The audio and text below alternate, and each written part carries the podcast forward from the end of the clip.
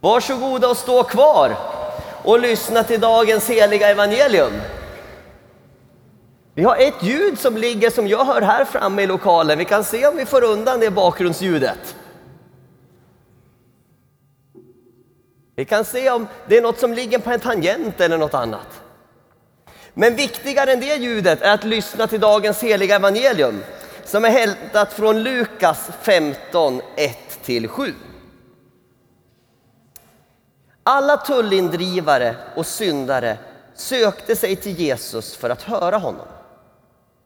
Fariseerna och de skriftlärda förargade sig och sa Den mannen umgås med syndare och äter med dem. Då gav han dem denna liknelse. Om någon av er har hundra får och tappar bort ett av dem lämnar han då inte de 99 i öknen och går och letar efter det borttappade tills han hittar det. Och när han hittar det blir han glad och lägger det över axlarna. Och när han kommer hem samlar han sina vänner och grannar och säger till dem Gläd er med mig. Jag har hittat fåret som jag hade förlorat. Jag säger er, på samma sätt blir det större glädje i himlen över en enda syndare som omvänder sig än över 99 rättfärdiga som inte behöver omvända sig. Så lyder det heliga evangeliet. Lovad vare du, Kristus.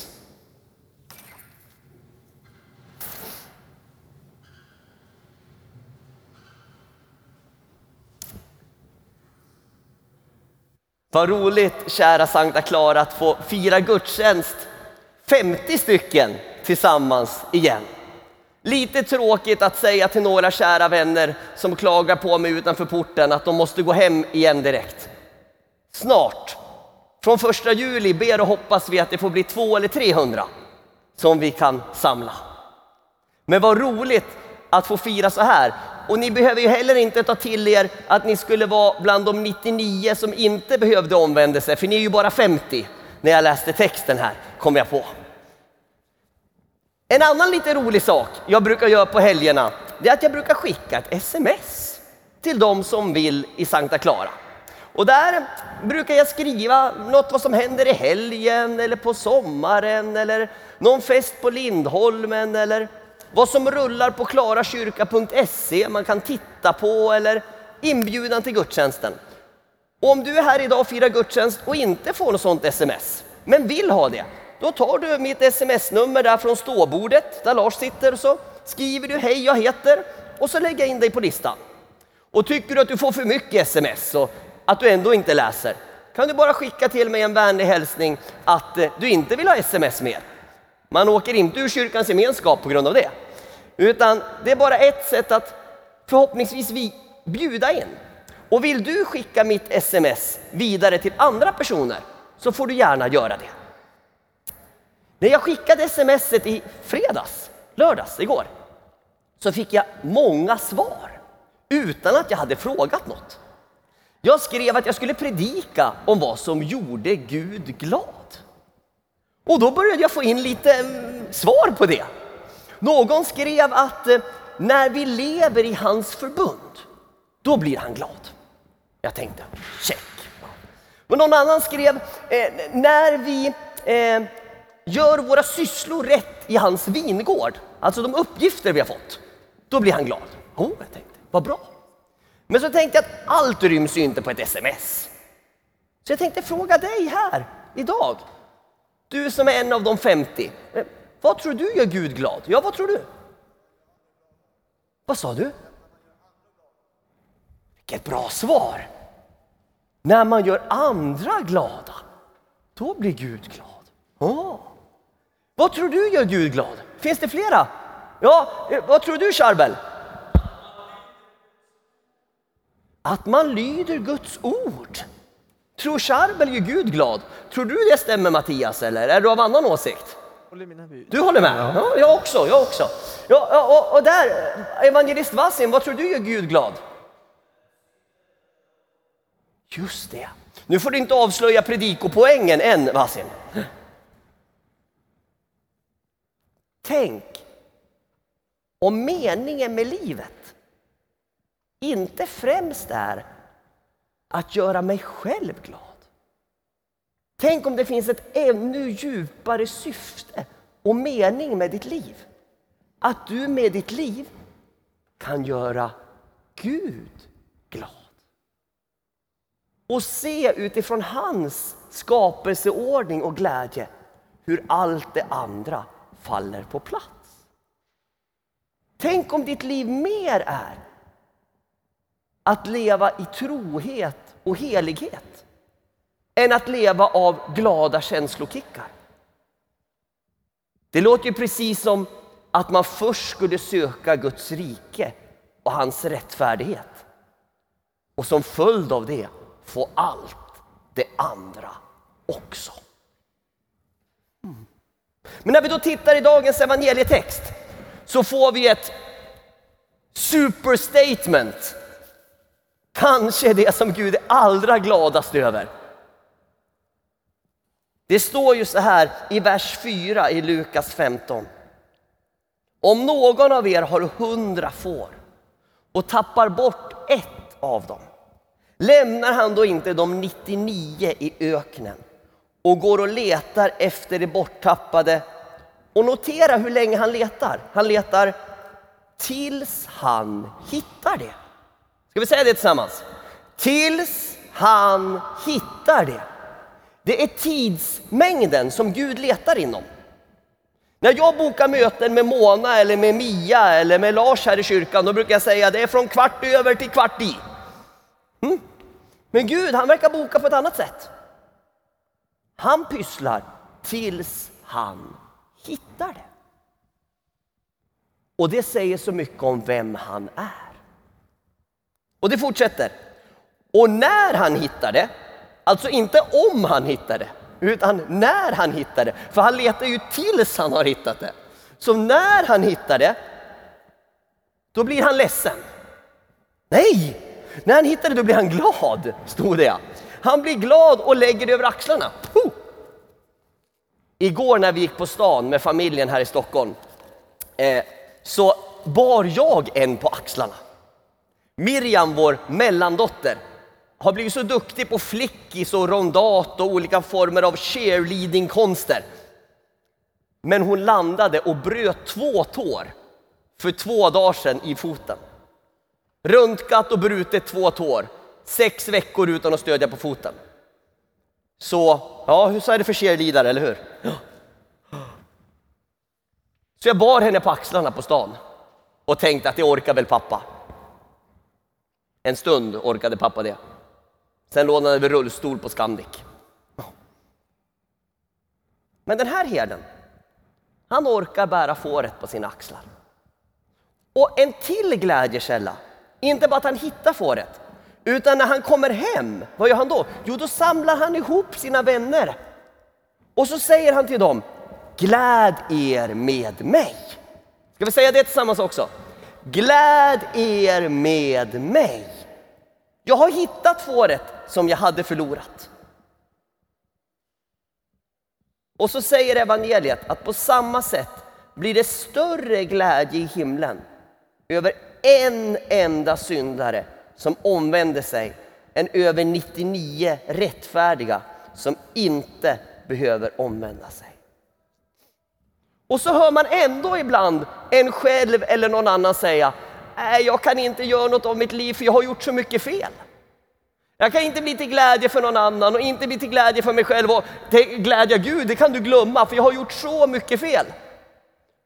Då säger du nästa gång, Matte, eh, Lukas evangeliet 15.7 ger jag till dig. Säger du till den personen. Bara omvänd dig och kom hem. Gläder Gud och himlen.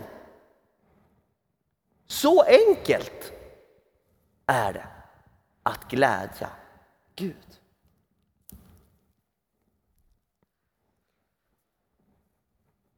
Allt som Jesus säger i Bibeln är ju sant. Ja, faktum är att allt som står i Bibeln är lika sant. Men det som sägs många gånger i skriften och många gånger av Jesus kanske vi behöver lägga ännu mer märke till. Ta ännu mer till oss det som Jesus liksom upprepar gång på gång. Om bön, och om tro och många andra saker. Och i det här, jag undrar om, det, om man får säga så, om det är det bästa kapitlet i Bibeln. Olof, får man säga att ett kapitel i Bibeln är bättre än ett annat eller? Ja, vi får fråga Evangeliska alliansens ordförande eller sekreterare anställd längre. Lukas 15 börjar ju med den här. Det förlorade fåret. Är det någon som vet vad som kommer sen? I Lukas evangeliet kapitel 15. Det här är den moderna typen av husförhör. Ja, kvinnan i lila klänning. Ja, det borttappade myntet är det. Ja, riktigt. Kvinnan som tappar bort ett mynt och sopar och sopar och sopar och sopar. Och när hon hittar det blir hon så glad och samlar alla och så blir det fest. Och, och vad kommer efter det då i Lukas evangeliet 15? Då kommer... Vad sa du? Ja, här sitter Helena som kan Bibeln. Liknelsen om den förlorade sonen. Som blev den återfunne sonen. På grund av att han hade en springande fader. Som spanade efter honom och såg honom medan han var långt borta. Den fadern satt inte bara och kollade på sin mobil utan spanade efter sin son som var borta. Och när han såg skymten av sonen så fylldes hans hjärta med medlidande och han sprang emot honom, omfamnade honom, kysste honom. Jag tror de grät tillsammans och så säger sonen, far jag har syndat mot himlen och mot dig. Jag är inte längre värd att kallas din son. Och fadern vet att sonen hade rätt. Han var inte värd det. Men han fick det ändå. Sån är Gud. Sån är Gud. Och det här undervisar Jesus gång på gång. Han ger sig inte. Guds faders kärlek. Den som ska komma över dig och in i ditt hjärta och styra din framtid. är så överväldigande. Hans medkänsla, hans kärlek, hans öppna famn för dig. Oj, oj, oj.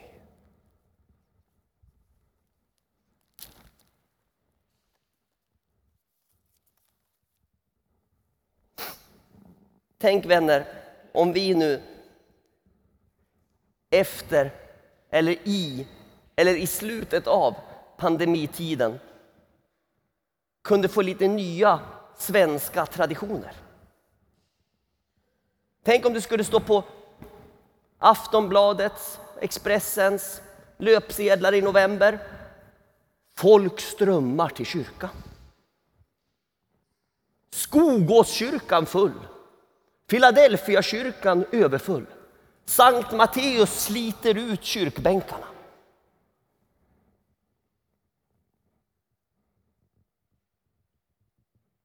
När en familj, en stad eller ett land går igenom en kris som ändå pandemin har varit eller delvis är för oss. Så vet ni att i en kris så kan man komma igenom, men man är inte riktigt ensam. När man möter en kris så blir det antingen så att man blir mer inåtbunden och egoistisk och tänker min sann inte. Eller när man kommer igenom en kris så får man ett varmt och öppet hjärta. Och så tar man emot och är tillgänglig istället. Tänk, tänk bara om det nu skulle bli så att all sorg, all ensamhet, all besvikelse, all dålig ekonomi, all surhet och dåliga relationer och all annan börda vi bär på. Tänk om vi skulle samla det, liksom i dem vi är, som svenska folket och så skulle vi testa att komma till kyrkan med det där. Och så skulle vi testa att gå fram i mittgången. Och så skulle Mona eller Bosse eller någon sitta där vid flygeln och spela lovsång. Så skulle man kunna gå här på den här röda mattan. Så skulle man kunna gå fram till altaret. Så kunde man ta emot nattvarden av Mattias. Och så kunde man se vad som händer med den där sorgen, skulden, ensamheten, skammen, problemen, sjukdomen och förtvivlan. Fråga Elisabeth Sandlund vad som hände. Hon som är vår vice ordförande här i kyrkan och brukar vara med sin dotter Ulle här och fira gudstjänst ofta på söndagarna. Hon sa att hon gick motvilligt fram till nattvarden för någon annans skull. Ingen rekommendation just på den delen, du ska ju gå för din egen skull. Hon hade motvilligt gick hon fram för en annans skull. Och när hon reste sig från nattvardsbordet så var inget sig likt igen. Tänk om den framtiden kan vänta oss vänner. Det var en gång en man som hette John McMakin och han tyckte att han var så obetydlig och misslyckad. Och så var det någon som sa, hörru du John, har du inte lyckats med något då i livet? Nej, sa han. Ja, men någonting har du väl gjort bra på de här 50 åren? Nej, sa han. Ja, en gång, en gång då, så lyckades jag bjuda en kille till kyrkan. Sa han. Oh, vad bra, sa de andra. Ja, vem var det du bjöd då? Ja, han hette Billy, sa han. Han hette Billy. Okej, okay, han hette Billy. Mm. Ja, och så gick samtalet vidare. Sen kom det fram med den här misslyckade mannen, John McMakin, att han hade ju bjudit en kille som kom till kyrkan som hette Billy. Och den här Billy, han hade gjort just den här resan och tagit emot Jesus. Och sen kom det fram lite senare att den här Billy hette i efternamn Graham. Och eh, Billy Graham är troligtvis den människa som för flest människor i världshistorien predikat evangeliet så här till en annan människa, inte på tv utan live. När man träffas på en fotbollsstadion eller kyrka eller något. Han har predikat evangeliet för flera hundra miljoner människor. För att den här misslyckade mannen, John McMakin, tog ett steg i tro och sa, ska du komma med till kyrkan eller? Och evangeliet förkunnades för hundratals miljoner människor. Nu ska du och jag komma till Jesus och inte hålla någonting emot längre. Och må familjen, staden och landet följa honom. Amen.